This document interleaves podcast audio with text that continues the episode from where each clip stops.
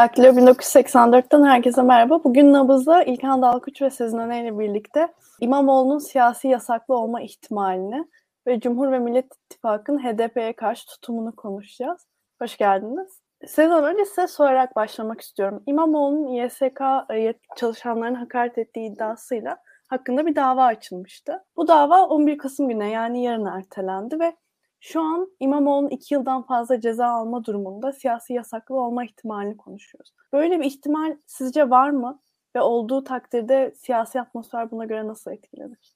E şimdi tabii bu e, HDP'nin kapatılması gibi yapılabilse yapılacak bir şey ki zaten Canan Kaftancıoğlu'na benzer bir şekilde si- siyasetten adeta siyasetin dışında bırakılmak için böyle bir şey yapıldı. Bir yasal aslında kıskaç durumu oldu. Canan Kaftancıoğlu'na yapılabildi ama o siyasetten de silinmedi Kaftancıoğlu gayet her zamanki gibi aslında ön planda sözünü de sakınmıyor. İmamoğlu'na da böyle bir şey yapılması, siyasetin dışına itilmesi dediğim gibi yapılabilse yapılır. Ama yapılırsa bence asıl bedeli AKP için ağır olur. Şu aşamada çünkü sadece İmamoğlu'nu daha fazla ön plana çıkarır. AKP'nin bir zamanlar en başlarda yaşadığı gibi mağduriyet üstünden bir büyümesi ve tıpkı Erdoğan gibi ben zaten Erdoğan ve İmamoğlu'nda aslında birçok benzer yönü olduğunu düşünüyorum siyasetçi olarak. Şimdi İmamoğlu'nu sevenler yanlış anlamasın. Burada o klasik işte an, karizmatik liderlik ne anlıyorsak ondan öyle bir e, çizgisi var ve siyaset aslında kumaşı da benziyor birazcık o bakımda.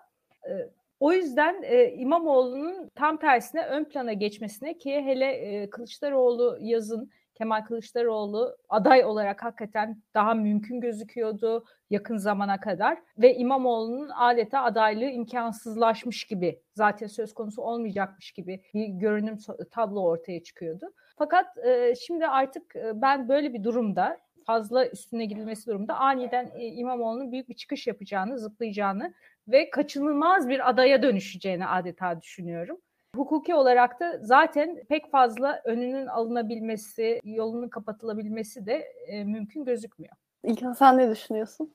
Ben açıkçası her zaman bir risk görüyorum. Burada bu davanın uzatılması, davanın e, yargı sürecinin bu noktaya kadar getirilmesinin bir biraz hükümetin niyetini ortaya serdiğine inanıyorum açıkçası. Bu niyet bizi şu noktaya getiriyor hükümet de bir taraftan görmeye çalışıyor. Yani orada yargı sürecindeki atamalara falan da baktığımız zaman birebir izlendiğini biz görüyoruz bu davanın ve bu belli davalar var Aybüke mesela. Yani bunlar işte şey Kavala davası, HDP davası vesaire. Bazı şeyler uzatılıyor, bazı şeyler çok hızlanıyor. Bu bir e, simetri yok yani hukukta Türkiye'de şu anda. İmamoğlu davasının da ben belli bir muallakta arafta tutulduğunu özellikle düşünüyorum. Arafta tutulmaya çalışıldığına inanıyorum. Çünkü bir şekilde muhalefetin tavrını da görmek istiyor hükümet. Ona göre bir tavır alacağına inanıyorum ben burada. Bir risk var mı? Ben gayet bir risk olduğuna inanıyorum. Konularda ben açıkçası HDP'nin de seçim sürecinde önümüzdeki aylarda kapanmasına şaşırmayacak birisiyim. Bakalım belki bana karşı çıkan insanlar haklı çıkacaklar. Ben daha kapanır diye düşünüyorum açıkçası. Bu konularda daha kötümser taraftayım. Bu açıdan İmamoğlu'na da yasak da gelebilir. Ya burada aslında şöyle bir şey var. Kamuoyunun önemli olduğuna inananlardan bir tanesiyim. Gerçekten bir kamuoyu yaratılabilirse etkili olabilir. Yani orada bir kamuoyunun etkisi özellikle şöyle söyleyeyim CHP'li olmayan insanların ve CHP'de İmamoğlu'na yakın olmayan insanların tepkilerinin daha önemli olduğunu düşünüyorum. Türkiye'de şöyle bir şey var. Güç hep artık yakın zamanda sürekli bunu söylüyorum. Yani bu tarz davalar güç önemli. Güç derken şu kamuoyu gücü, kamuoyu etkileme gücü de bir güç. Bu tarz davalarda yargı etkileniyor Türkiye'deki atmosferden, havadan. Yani şöyle söyleyelim. Bugün mesela Osman Kavala'yı bir Muharrem İnce çıksa savunsa yargıya etkisi olur mu? Olur Türkiye'de. Ben biraz buna inanan birisiyim. Yani Türkiye'de böyle e, asimetrik bir destekler olsa insanlara beklenmedik yerlerden bunlar etkili olabilir yargı önünde. Türkiye'de bu tarz şeylerde şu an İmamoğlu'na e, gelen destekler var mesela Demokrat Parti'den, Deva Partisi'nden, Gelecek Partisi'nden. Bunlar önemli. Yani İyi Parti'den destekler var. Bu tarz desteklerin bir karşılığının da ben kamuoyunda ve yargı üzerinde olduğunu düşünüyorum. Türkiye'de her ne kadar biz yargı şey yaptı, partizanlaştı desek de bu en partizan kararları alan yargı mensuplarının sayısı genel yargı mensupları arasında küçük bir oran. Yani ne olursa olsun hukukçuların önemli kısmında az çok biraz kurala uymaya da çalışıyorlar. Ama bu işlere en çok elini kirletenlerin sayısı yine az kalıyor diye düşünüyorum. O son atamalardan bile. Yani o başka yere atanan hakimin o kadar da muhalif birisi olmadığı açık. Ama bir yandan da şey çok da fazla sorumluluk almak istemiyor aslında. Yani onu görüyorsunuz oradaki insanın üzerinde. Bu size şunu getiriyor. Burada genel kamuoyu atmosferi çok etkileyecek yargıçları. Türkiye'deki yargıçlar etkileniyorlar bundan. Yani neredeyse futbol hakemleri gibi açık konuşayım. Yani bu o, öyle bir durum var Türkiye'de. O atmosferin yaratılması gerekiyor. Bu, bu o baskının yargı üzerinde ne yazık ki oluşturulması gerekiyor diye düşünüyorum. Hükümetin de İmamoğlu konusunda nasıl bir tavır alacağını tam sezemiyorum. Yanlış karar verebilir kendi adına hükümet. Bu açıdan da yani evet mağduriyet doğru bir perspektif. E, İmamoğlu'nun yani ya herhangi bir siyasi yasak lanması durumunda potansiyel diğer olacak muhalefetin adayı yanında İmamoğlu yapacak tüm mitinglerini. Hatta yani bunun sonu ıı, kayba doğru gidebilir mi? Gidebilir evet ama şöyle bir durum var. Ya 6 Mayıs 2019 gecesini hatırlayalım. 6 Mayıs 2019'da biz YSK İmamoğlu'nun mazbatasını geri aldığı zaman burada yani hatta yani online sosyal medyada falan ben cidden linç edildim. Hatırlıyorum yani o sırada. Çünkü İmamoğlu konuşana kadar beni linç ediyorlar. İnsanlar çünkü ya herkes çok kızgındı. Hani işte kazanır diyordunuz işte vermez dedik haklı çıktık falan diye böyle herkes saldırıyordu. O an İmamoğlu çıktı konuştu bir anda güven geldi insanlara ve farklı bir şekilde bakılmaya başlandı. Yani o evet bir mağduriyetle seçim kazanıldı ama sadece onunla kazanılmıyor. Oradaki o havanın değişmesi lazım. Bu hava değiştirilebilirse evet kazanılır. Değiştirilemezse mağduriyetle mağdur olduğunuzda kalırsınız. Türkiye'deki ya çok basitçe söyleyeyim. Yani Türk solunun 100 yıllık tarihi mağduriyetlerle dolu ama iktidara gelemedi. Yani e, Türk sosyalistlerine bakarsanız mağduriyetleri en çok onlar yaşadılar. Hiçbiri de öyle iktidara geldiğini görmedim ben. E, yani Türk halkının evet yani bir mağduriyet hikayesinin bir alıcısı vardır. Ne olursa olsun her zaman yani mesela işte İslamiyet'in kurucu e, anlatısında işte Hazreti İbrahim, İsmail, onun çocukları falan o, o şey işte üvey evlat haksızlığa uğrayan bir miras kavgası. Bu bu anlatı bizim kökümüzde var her zaman için. İşte Şehzade Mustafa ve bu, bu böyle bir anlatı her zaman var bizim kültürün içerisinde. Bunun karşılığı vardır o mağduriyet açısından doğru. Ama her zaman da işlemez. Yani açıkçası ben biraz onu görüyorum. Bakalım yani orada muhalefet performansı verilecek. Birincisi burada aslında isimlerden öte isimleri aşacak bir şekilde biz mesela gerçekten işte İmamoğlu'ndan öncelikle sandığı demokrasiyi savunma duygusunu hissettirebilirsek, hissettirebilirse muhalefet kendi kamuoyuna o zaman bu iş hakikaten bambaşka bir boyuta çıkar diye düşünüyorum. Ee, işte ittifak konuşurken de muhtemelen ben benzer şeyler söyleyeceğim açıkçası. Ya peki şey de olabilir mi yani? Mesela İmamoğlu'na bir siyasi yasak gelmeyecek. Ama bu dava uzatılacak uzat hani daha böyle bir nasıl diyeyim propaganda kısmı, kriminalize etme kısmı olabilir mi acaba bu dava sürecinde diye düşünüyorum ben. Sezin Hanım şimdi bundan sonra bir HDP sorusuyla devam etmek istiyorum ben.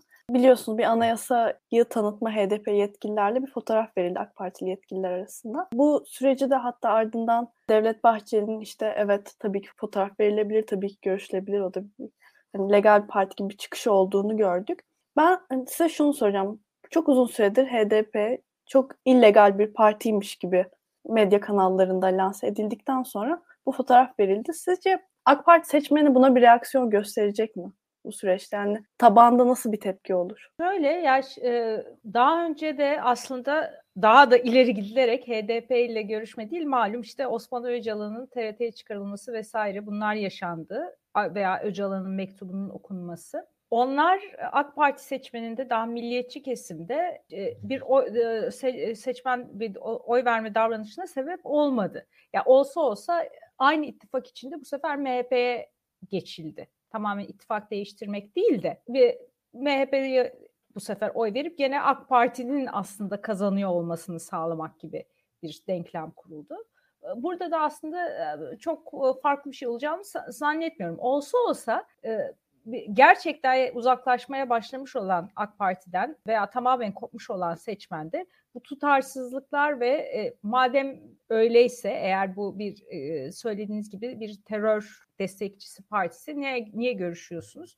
Daha da bir işte kopmaya ve soğumaya yol açabilir. Ama bu sadece zaten bu süreci yaşamış, yaşamakta olan dediğim gibi AK Parti'nin uzaklaşma sürecini yaşamış olanların zaten verdiği kararı e, vermekte olduğu kararı pekiştirmek ancak nedeniyle olur. Asıl sebep ama e, AK Parti'den kopuşlarda tabii ki ekonomi.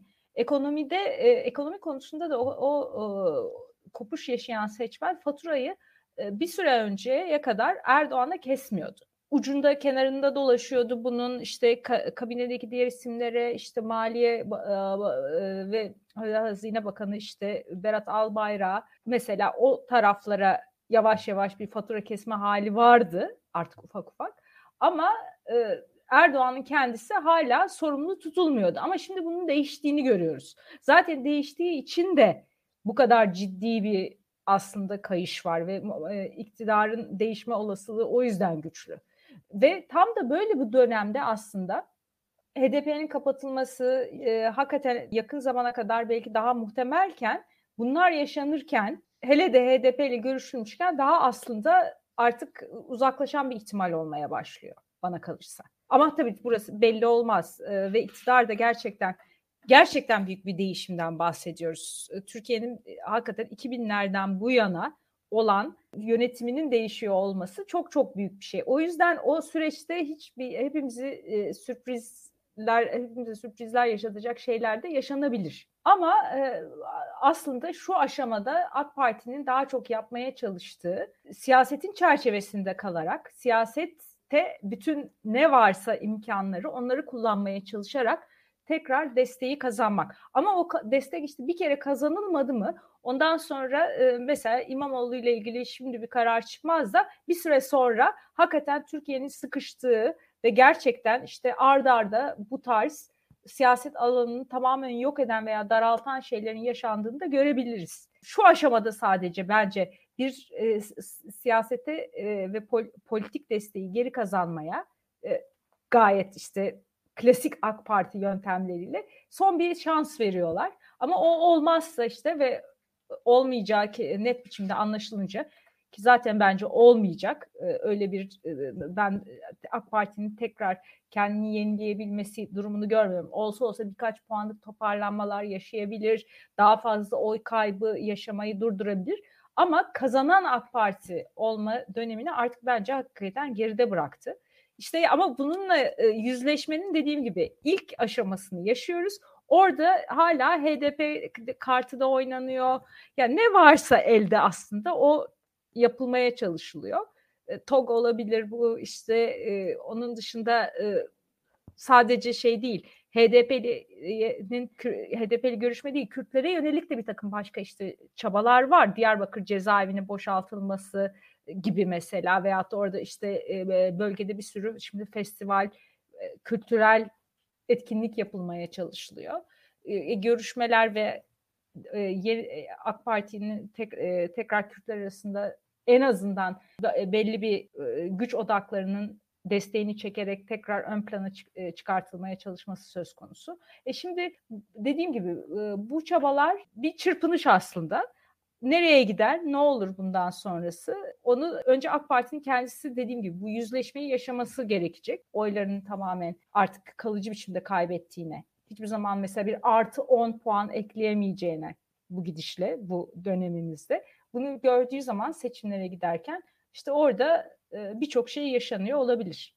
AK Parti seçmeni bu görüşmeye, bu fotoğraflara nasıl bir reaksiyon gösterecek? Ve acaba şu son seçim sürecinde Kürt seçmenine yapılan bu baskın azaldığını mı göreceğiz? Baskının azalması konusunda çok iyimser değilim. Bilemiyorum. Şimdi Tayyip Erdoğan ve Adalet ve Kalkınma Partisi 20 yıl boyunca çok fazla e, manevra yaptı. Ama geçmişte manevra yapmış olmasını, gelecekte manevra yapabilecek olması anlamına geldiğini çok inanmıyorum. Ben birazcık daha kötümserim o açılardan. Yani Türkiye'de seçime kadar baskı artacak dedim ve ben artacağına inanıyorum açıkçası. Ben ama benim hayalimdeki kadar artmadı. Onu da söyleyeyim. Ben daha da kötü olacağını düşünüyordum. Çünkü öyle ya da böyle seçimi kazanma umuduna sahip Adalet ve Kalkınma Partisi şu anda.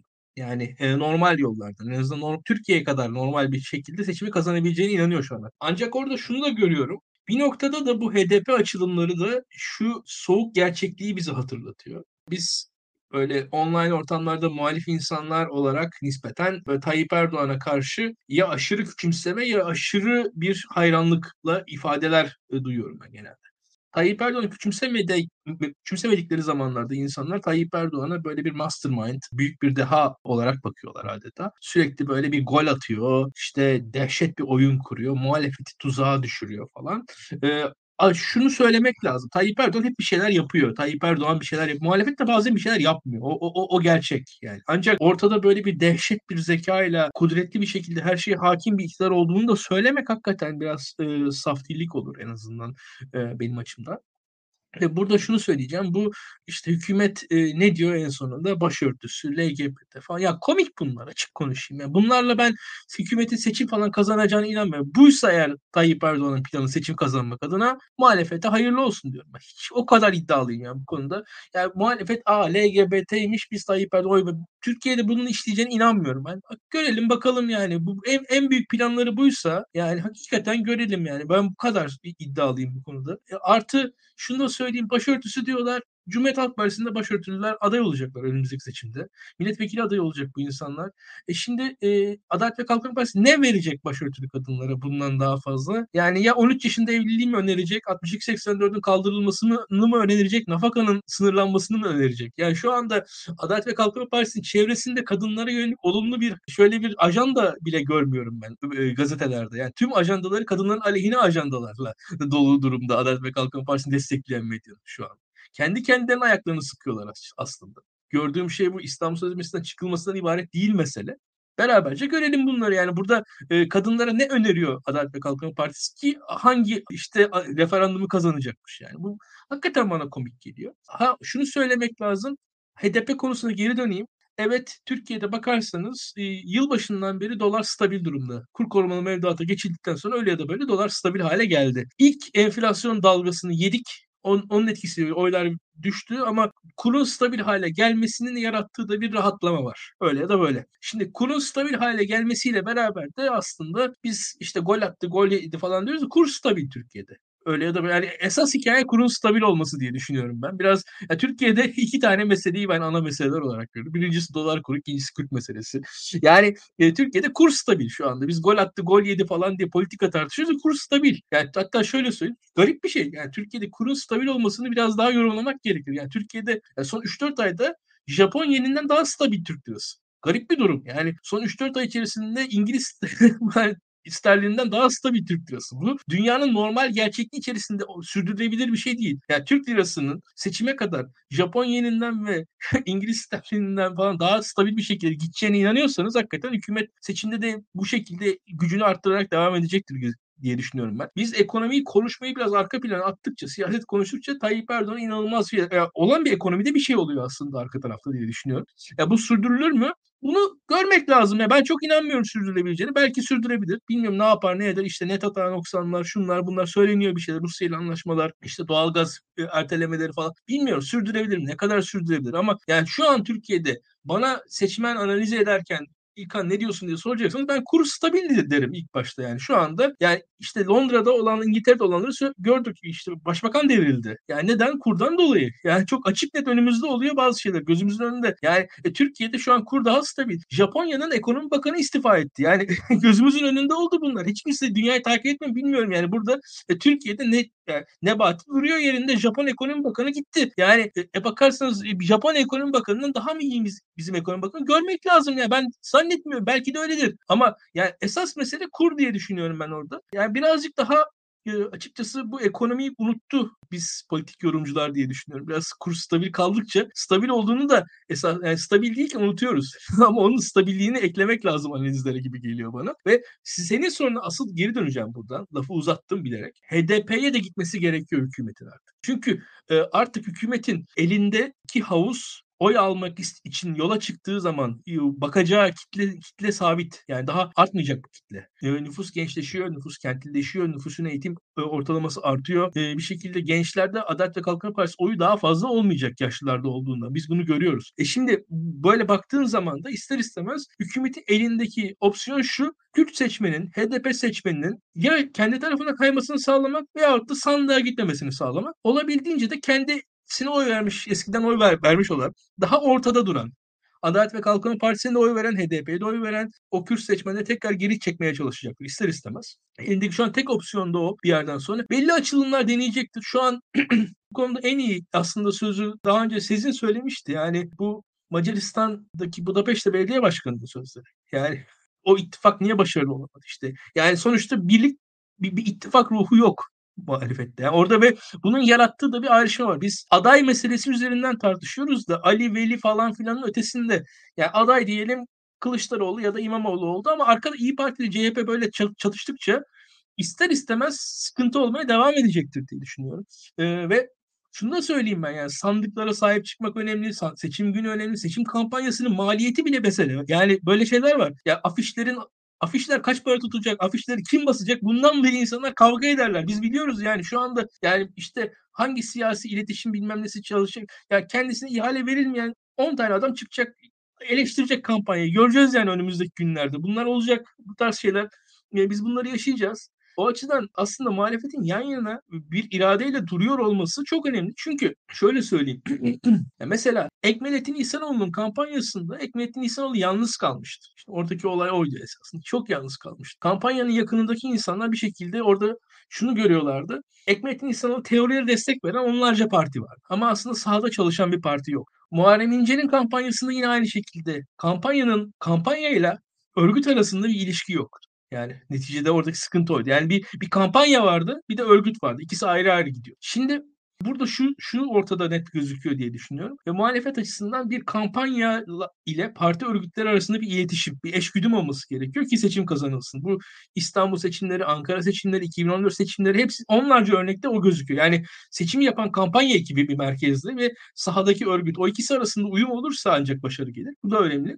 E, muhalefetin biraz buna dikkat etmesi gerekiyor. Ve HDP meselesinin de yani iktidarın dediğim gibi ben baskının yani hükümet en sonunda baskı baskı fikriyatına döner. Yani çünkü şu anki hükümetin öyle demokrasi falan ya paradigma olarak artık karşı hale hale gelmiş durumda bence Türkiye hükümeti. Yani öyle demokrasiymiş, özgürlüklermiş. Biz şöyle e, daha fazla e, işte atıyorum işte dünya barışıymış neredeyse yani hatta dünya bu tarz kavramlar uzak artık bize yani Avrupa Birliği'ymiş bir araya gelelim ya bu tarz her şey uzak artık Türkiye'deki hükümete yani e, atıyorum Doğu Akdeniz'deki tavrı işte bakarsanız birçok yerdeki tavrıyla beraber Türkiye'nin aslında o kadar da çok mutedil e, gitmeye çalışan bir hükümeti yok. Aksine e, güç siyasetini yapmaya çalışan, belli bir denge siyasetini, o güç siyasetini benzeştirmeye çalışan onun bir e, tavrı var diye düşünüyorum. Bu, bu bağlamda ben Kürtler konusunda şöyle bir durum var. Muhalefetin birbirinden ayrışmasını sağlama çabası olacaktır ve Kürtleri bir üçüncü noktaya doğru yani muhalefetle kendisi arasında değil üçüncü bir aktör olarak ayrıştırmaya çalışacaktır. Bunun yolları çok aslında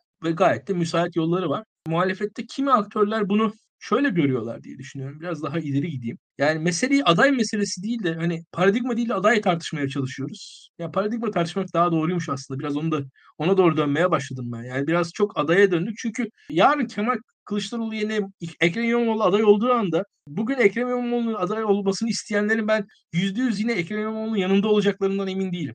Onu da not olarak ekleyeyim. Biraz kötümser olarak.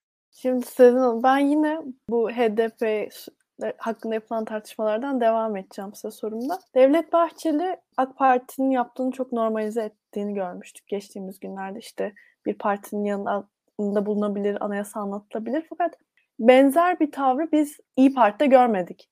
Yani mesela Selahattin Demirtaş'ın bir gün Başak'la birlikte kahvaltıya gideriz söyleminde çok sert bir çıkışı olmuştu. Yani işte aynı masaya oturmayız babında. Yani nasıl diyeyim siz şeye katılır mısınız? Yani muhalefet bu çekingen tavrı yüzünden hep golü iktidarın önüne mi bırakıyor? Yoksa ikisinin durumu farklı ve aynı pozisyonları alamıyorlar mı? Ne dersiniz? Bir kere e, İyi Parti'nin kendisinin ötesinde Meral Akşener'in Kürt sorunuyla ilgili kafasında bir türlü oturtamadığı bir denklem var belli ki. O kendi Kürt sorununu çözmüş değil. Nasıl yaklaşacağını tam kafasında oturtmuş değil. Onun dışında tabii partinin içinde işte MHP'den gelenler çoğunlukta olduğu için teşkilatlarda vesaire herhangi bir aslında tabii ki bir açılım yapsa İyi Parti oradan da tepkiler elbette gelir ve İyi Parti hala o kendini oturtmayı bu beş yıl sonra kuruluşundan biri aslında tam o süreçleri aşmış değil. Bir öyle kircikli yan var herhangi bir şey yani sanki o ev yeni kurulmuş da hala bir türlü tam düzeni oturmamış vesaire gibi böyle bir endişe var. Bunun gerçekten böyle olup olmadığı değil mesele. Önemli olan o kaygının olması. Dolayısıyla hem e, Meral Akşener'in kendi kafasında konuyu oturtmaması ve hem de partisine bu açıdan partisini yönetmeye belki tam bir güveni olmaması bir araya geliyor. Birçok farklı konularda aslında e, Meral Akşener'in mesela Osman Kavala konusu olsun vesaire yani bu konularda daha çıkışları oldu. Aynı zamanda orada kafası net. Kafası net olunca da rahat hareket edebiliyor. Ama o netliği henüz işte başka konularda bu LGBT konusu bir, Kürt meselesi iki. Oralarda sağlamış değil. O da tabii partinin önünü kesiyor her şeyden önce. E, merkez sağ parti olmasını engelliyor. Bir şekilde Kürtlerle herhangi bir diyaloğa girmeden, herhangi bir şekilde Kürtlerin oyunu ve desteğini çekmeden mümkün değil merkez sağ parti olabilmek Türkiye'de.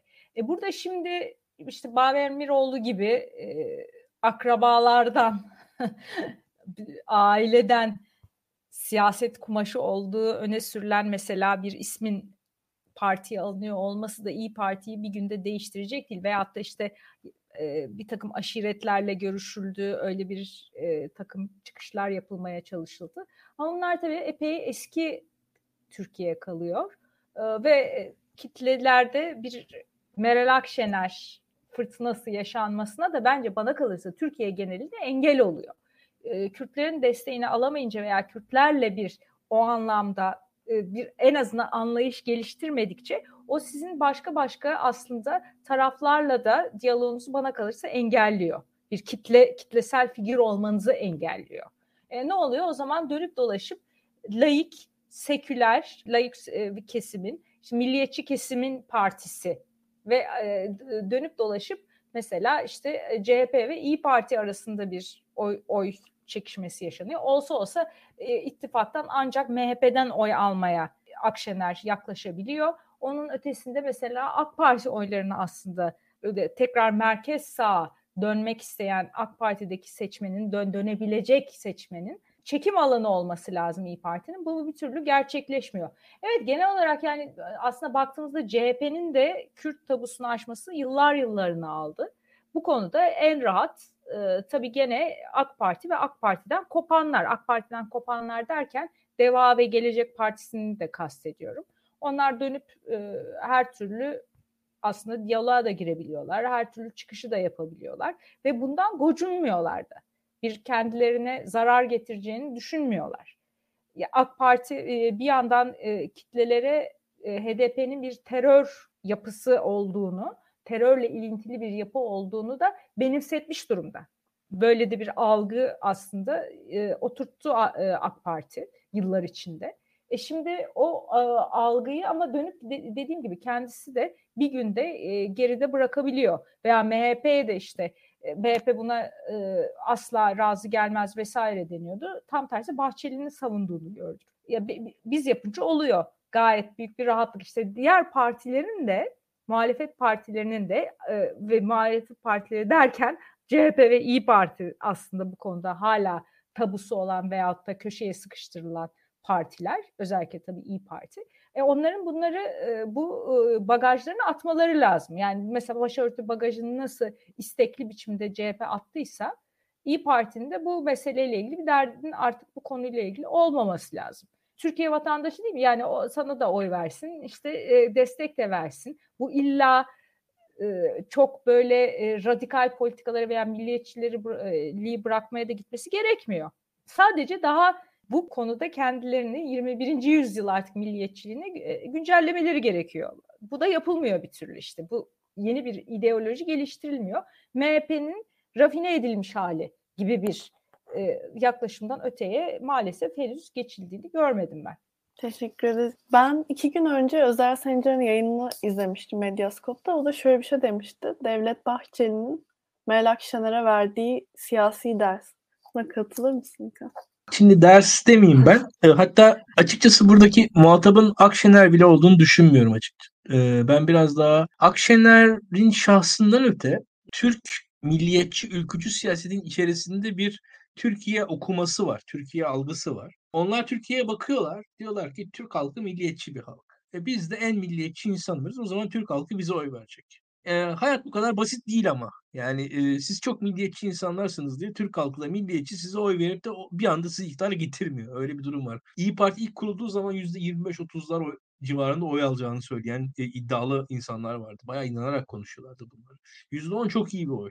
Onu da söyleyeyim bu arada. Ama işin gerçeği şu, orada bir ülkücü çekirdek var İYİ Parti'de ve bu bu ülkücü çekirdeğin Türkiye okumasında biz en milliyetçi politikaları, daha milliyetçi, daha doğru bir milliyetçilikle ortaya se serersek sadece milliyetçilik yaparak %30-40 oy alırız diye iddia ediyor bu insanlar. Gerçekten inanıyorlar bunlara. Yani, hani, eee, ve şöyle bir şey var. A, Devlet Bahçeli ba yanlış bir açıklama yaptı milliyetçilik adına. Bu insanlar da halkımız da, işte, güldür güldür bir şekilde İYİ Parti'nin kollarına doğru koşturacak. Böyle bir şey de olmayacak açıkçası. Bunu da görüyoruz. Milliyetçi Hareket Partisi'nin oyları hatta son dönemde biraz arttı. Yani zaferden falan oylar geri gitti deniyor. Ha, ben inanıyorum o anketlere açıkçası. Ya, burada bir yanlış Türkiye okuması var. Yani Türkiye'de halk milliyetçi ama bu milliyetçi partilere oy vermesi anlamına gelmiyor. Yani tam anlamıyla. Halkın milliyetçi olduğu gerçek. Bunu yadsıyamayız. Eee, tüm, eee, değerler araştırmalarında milliyetçi çıkıyor Türk halkının çoğunluğu. Eee, ama buradaki diğer gerçeklik de şu, bu size oy vermelerine yetmiyor insanlara. Yani sizin oy almanız gerekiyor. Tamam milliyetçi olun, o milliyetçi olmayın demesi zor bir siyasi parti yöneticisinin açıkçası bir analistin.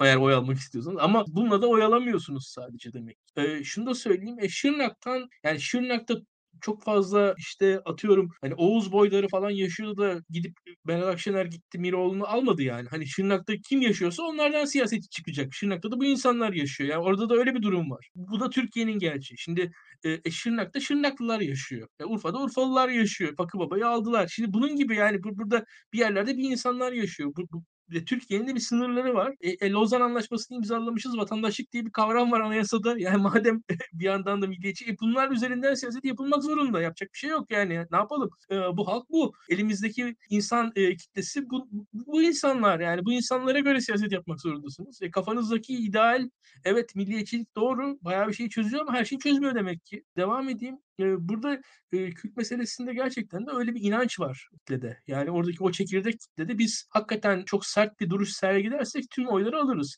Yani Türkiye çözüm sürecini gördü.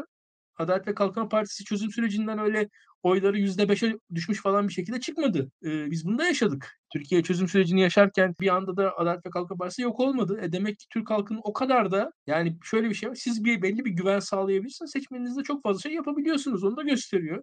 Ya bugün anlam planını Türkiye'de bir muhalif parti savunsun, ııı, sokağa çıkamaz. Ama Adalet ve Kalkınma Partisi savunduğu zaman da Rauf Denktaş anlam planını karşısına çıktı. Kurtlar Vadisi'nde dizide oynadı. Yani ama o sırada Adalet ve Kalkınma Partisi %50 oy almaya devam ediyordu. Ya Türk halkını, eee, nasıl ikna ettiğinizle alakalı bazı şeyler. Yani onu görmek lazım. Burada evet, teoride haklı olabiliyorsunuz. Kendi kendinizi ikna edebiliyorsunuz ama halkı ikna etmiyor o şeyler. Biraz onu görmek gerekiyor diye düşünüyorum. Bu Bahçeli, eee, Akşener meselesinde de şimdi mesela Akşe Devlet Bahçeli'nin açıklamasının ardından kaç tane Milliyetçi Hareket Partili, "A, işte benim dediğim kadar milliyetçi değilmiş Milliyetçi Hareket Partisi, o yüzden İYİ Parti'ye geçeyim." diyecek. 3 ile basmayacak da oyunu, işte, açıkçası İYİ Parti'ye verecek. Bilmiyorum, bana çok, yani, öyle büyük bir kitleler oradan oraya transfer olacaklarmış gibi gelmiyor. Ben çok inanamıyorum ve daha ziyade şu var, eee, zaten Milliyetçi Hareket Partisi'nin kendi çekirdek kitlesi ki büyük ihtimalle güzel gezer her zaman Türkiye'de, işte, eğitim sisteminden dolayı, askerlikten dolayı bir genç erkekler bir MHP'ye oy verir, sonra başka partilere geçer. Onun dışında bir çekirdek MHP seçmeni vardır.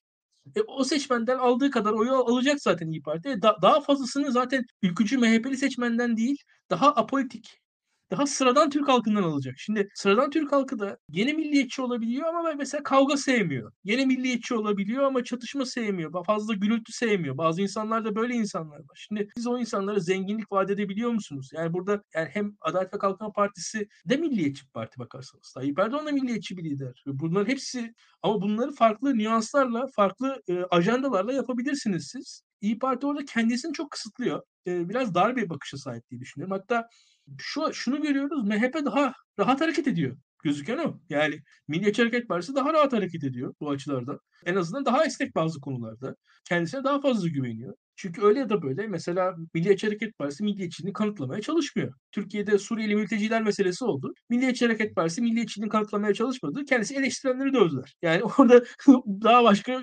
işte açıkçası Kürt meselesi oldu. APO'nun mektubu oldu. Milliyetçi Hareket Partisi yine milliyetçilik kanıtlamaya çalıştı. O daha ziyade daha alt düzeyde, eee, iktidar arıyor. bürokratik iktidarların peşinde koşturuyor ve işe yarıyor yani gördüğüm kadarıyla. Milliyetçi Hareket Partisi işte mülteci meselesinde, Kürt meselesinde e, çok daha az tırnak içinde milliyetçi tavırlar aldı. E, pek de yıkılmadı. E, insanlar da aa Milliyetçi Hareket Partisi'nin tavrı buymuş diye Milliyetçi Hareket Partisi seçmenleri işte atıyorum her Zafer Partisi'ne koşmadılar. Gitmediler oraya. İşte atıyorum İyi Parti'ye koşmadılar. E, İyi Parti'nin açısından şöyle bir tehlike var. Zafer Partisi'nin kurulmasıyla beraber yani o ahlaki skalada yani o o, o kurallar oradaki id, id, Zafer Partisi ideasında İyi Parti kendisini ölçmeye doğru bak, gidebilir. Bu işin sonu biraz daha o tarafa doğru gidiyor. Ondan korkuyorum ben şu anda. O bir risk. Yani orada siz sonuçta şöyle bir şey var. Zafer Partisi'nde kendinizi kanıtlamaya çalışırsanız belki kanıtlarsınız ama yani nereye varır bunun sonu bilmiyorum. Çok da bir olumlu netice çıkar mı? Zannetmiyorum. Bakalım. Bir şey eklemek istiyordum burada. Milliyetçilik iktidarın çerçevesini çizdiği bir şey değil.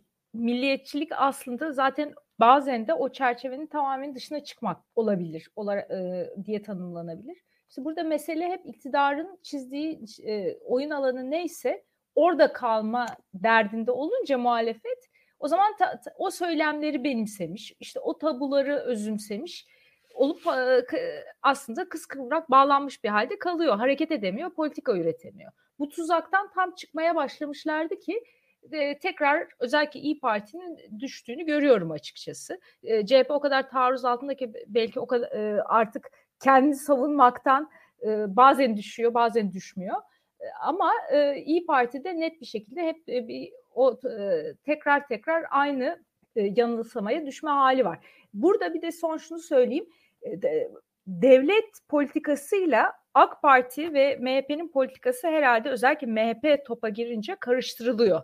O bir e, sanki AK Parti ne yaparsa bir devlet politikasıymış ve devlete ters düşülüyormuş gibi bir algı oluşuyor sanırım klasik milliyetçilerde, ülkücü kökenlilerde özellikle ama e, aynı zamanda e, devletin kurucusu bir parti olarak CHP'de de aynı şey var ve hemen bir geri adım atma, geriye düşme.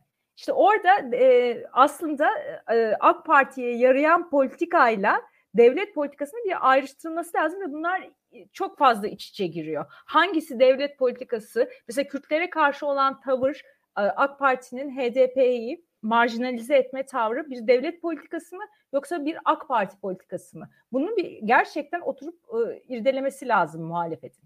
Teşekkür ederim. Yavaştan kapatmadan önce size son olarak söylemek istediğiniz bir şey var mı diye soracağım. İlkan seninle başlayalım. Var mı son olarak eklemek istediğim bir şey? Erdoğan milliyetçi derken Erdoğan'ın daha tırnak içinde aziz milletimiz diyor. Böyle o konuda İslamcı çizgisini söylemek lazım. Yani onu onun içerisinde bir milliyetçilik yapılıyor gene de. Yani orada da şeye bakarsanız bir kendisine bir ayrı alan açmış durumda yani. Orada bir mavi vatandan tutun işte bu e, savunma sanayine oradan giderseniz bir şekilde kendisine ayrı bir milliyetçilik alanı açmış durumda. Çünkü Adalet ve Kalkınma Partisi'ni öyle de milliyetçilikten azade bir parti olarak görmek de çok gerçekçi değil onu söylemem lazım. Yani onu tekrar belirteyim. Muhalefet geçen seçimleri evet Adalet ve Kalkınma Partisi'nden gelen oylar var ama daha ziyade gençlerin ve gençlerin oyunu olarak ve İstanbul'da, Ankara'da ve daha ziyade bir araya gelerek kazandı. Muhalefet bir araya gelemediği yerlerde kaybetti. Bir araya geldiği yerlerde kazandı. Bunun örnekleri var. Balıkesir var, Manisa var, e, işte Mersin'in ilçeleri var. Ee, burada bakarsanız muhalefetin bir araya gelemediği yerler. Muhalefetin başarıyla bir araya geldiği yerlerde de Ankara'da, İstanbul'da, Antalya'da, Adana'da muhalefet başarıyla bir araya geldi ve seçimleri kazandı. Çok basit bir örnek var önümüzde. Yani hani e, evet adaylar tabii ki önemli. Doğru. Ben adaylar önemsiz demedim ama yani burada şunu görmek lazım. Aday muhalefetin bir araya gelmesini gereksiz kılacak kadar önemli olmayacak hiçbir zaman. Yani hiçbir zaman yani muhalefet bir arada olacak, onun üzerine aday da olacak ki işte mesela gençleri sandığa götürmekte aday önemlidir. Yani orada gerçekten bir gençleri sandığa götürmekte aday çok önemli. O motivasyonu sağlamakta aday çok önemli olacak. O kesinlikle öyle. Ama şu da gerçek. Muhalefet bir arada olacak ki o aday o işi yapsın. Muhalefetin bir arada olmadığı bir durumda muhalefetin bir arada olmamasına rağmen bir aday ne yazık ki seçim bence kazanamaz. Yani onu da görmek gerekiyor. Yani şöyle söyleyeyim. En ideal aday, İstanbul'da en ideal adayları çıkarsaydınız da HDP seçime girmiş olsaydı seçimi kazanamayacaktı muhalefet. Bu da işin diğer tarafı. En azından İstanbul gibi Türkiye'ye en yani tam Türkiye değil ama yani Türkiye'ye yakın da sayılabilecek bir demografide. Yani Türkiye'den yüzde bir iki falan farklıdır İstanbul muhtemelen. Birazcık daha bir yüzde bir iki daha solunda falan kalır Türkiye'nin muhtemelen bence. Orada görebildiğim şey bu yani. İstanbul'da mesela biz onu yaşadık. Tabii ki aday önemli. Tabii ki kampanya önemli. Ama adayla kampanyayla siz bu bir arada olmanın yerine tutturamazsınız. Ben Sezin'le bu Macaristan yayınında gerçekten orada muhalefet tam da bir arada da olamamış. Yani onu da görebiliyorsunuz. Yani biraz o o bir aradalığın önemi var ve muhalefetin hakikaten yani şey gibi hem bu seçim zor bunu görmesi lazım. Adil bir şekilde kendi aralarında da birbirlerine de anlaşarak yan yana durmaları lazım. Ee, meclis için de bu geçerli. Ee, aday listeleri için de bu geçerli olacak. Doğru listeler çok önemli. Ee, meclis çok önemli olacak. HDP'nin elde edebileceği şeyler var, elde edemeyeceği şeyler. Türkiye gerçekleri de açıkta. Yani onu da söylemek gerekiyor. Burada bir orta yolun bulunması gerekir diye düşünüyorum. Orta yol bulunmadıkça bu iş uzuyor. Yani bu iş uzuyor ve gerçekten sorun yaratıyor. Yani burada şöyle ya da böyle Tayyip Erdoğan'ın son anketlerde %2-3 artışı gözüküyor. Yani her ankette biraz farklı meşrebine göre ama belli bir artış var orada. Birçok yorumcu da şey diyor yani e, eskisinden Tayyip Erdoğan'a oy vermiş seçmenler yavaş yavaş tekrar kararsızdan tekrar Adalet ve Kalkınma Partisi'ne dönmeye başladılar.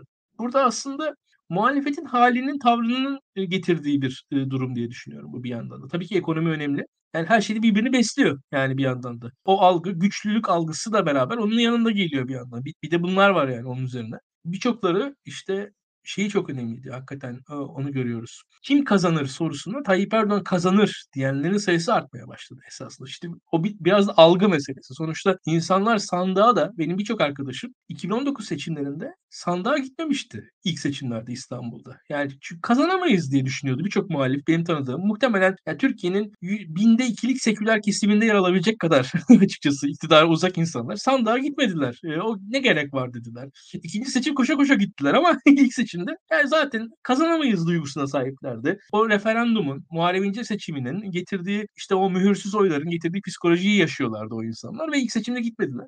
Bunları yaşayabiliriz. Yani bu tarz sıkıntılar da muhalefetin önünde bunların da yönetilmesi gerekiyor diye bitireyim. Teşekkür ederim. Sezen hem size son olarak söylemek istediklerini soracağım hem de şunu da sormak istiyorum siz Macaristan'ı bilen biri olarak. Gerçekten o Macaristan'daki seçim atmosferini mi yaşıyoruz biz şu an? Yok umarım öyle de olmaz zaten. Orada tabii aday belli olunca özellikle bir, bir ayrışma olmuştu. O zamana kadar olan takım oyunu daha bir bozulmuştu diyelim. Olabildiği kadarı da. Aslında sadece Macaristan değil şimdi mesela Amerika'daki seçimlere de bakabiliriz çok yeni örnek olarak. Orada da ara seçimler işte hep anketlerde de genel olarak olasılıklara vesaire baktığımızda Cumhuriyetçilere çok daha fazla şans veriyordu ama Öyle bir durum olmadı. Bütün silip süpürmedi cumhuriyetçiler. Hala işte senatonun gerçi kazanıp kazanamayacağı belli değil cumhuriyetçiler tarafından ve Aralık ayına kadar da bilemeyeceğiz ama en azından e, demokratlara bir kazanmış olma hissi geldi. Temsilciler Meclisi e, beklendiği gibi cumhuriyetçilere gitmiş olsa da. Burada Amerika'daki işte mesela o e, Mehmet Öz'ün de yar, yarıştığı Pensilvanya seçimlerinde bir işte ilk defa Türk olarak girecekti giremedi. Mesela Obama'nın, Biden'ın ve Demokrat Parti'nin ağır toplarının bir araya gelerek tam bir takım oyunu oluşturmuş olması, bir arada görüntü vermeleri çok önemliydi. Bu olmasa zaten o anketlerde bahsedilen silip süpürme hali Cumhuriyetçiler tarafından gerçekleşebilirdi. Türkiye'de de aslında bu mesele yani bir önce o altılı masa çok iyi işliyormuş izlenimi verdi çok iyi bir adeta takım oyun içine giriyor gibiydi. Sonra herkes birdenbire yazdan sonra e, sonbaharla beraber kendi yoluna gitti. Bir tür yaz aşkı adeta yaşandı. bir tatil yaşandı. Ondan sonra herkes e, kendi oyunu arttırmaya çaba ve kendi politikası nasıl gidecekmiş, e, ne, yap ne yapacakmış ona o yolda gitmeye başladı. Burada tabii ki işte bakanlıkların partilere oy oranına göre dağıtılması ihtimal var vesaire ama önce bir seçimin kazanılması lazım. Onun için de o takım oyununun çok daha fazla beraber oynanıyor olması lazım. Ki mesela işte e, yurt dışından benim meslektaşlarım, siyaset bilimcileri olsun, gazeteciler olsun hep soruyorlar niye daha fazla beraber görüntü vermiyorlar? Niye mesela haftalık basın toplantıları yapmıyorlar diye altılı masa için ve özellikle Akşener ve Kılıçdaroğlu için mesela yarın işte İmamoğlu'nun davası için Mansur Yavaş e, bir tweet paylaşmış ve e, beraberlik tam görüntüsü veren bir e, mesajı veren bir tweet. Mesela öyle şeylerin çok daha fazla olması lazım. Yarın aslında Kartal Adliyesi'nde bütün altılı masanın oluyor olması lazım. Bu bir İmamoğlu meselesi değil çünkü. Bugün İmamoğlu işte önce Kaftancıoğlu'ydu sonra İmamoğlu oldu ve e, İlkan'ın söylediği gibi hakikaten bu iş başka yerlere de gidebilir. Aslında biz aynı şeyi söyledik başta İlkan'la. Yani şu aşamada siyasete ben diyorum ki işte bir son şans veriliyor ama sonrasında AK Parti'nin daha sert e, taraflara savrulmayacağının bir garantisi yok. Tam tersi çok da muhtemel bu. O yüzden işte o e, son e, çıkışa girmeden önce e, seçimler nasıl olsa kendi kendini kazanır gibi bir herhalde algı var artık yani o kadar biz aldık gibi. Öyle değil işte işler. Çok teşekkür ederim. Bugün nabızda İlkan, Dal İlkan Dalkuç ve Sezin Öne ile birlikte yaptık. Çok teşekkür ederim geldiğiniz için. Yayınlarımızı beğenmeyi ve paylaşmayı unutmayın. İyi akşamlar dilerim. Çok teşekkür ederim.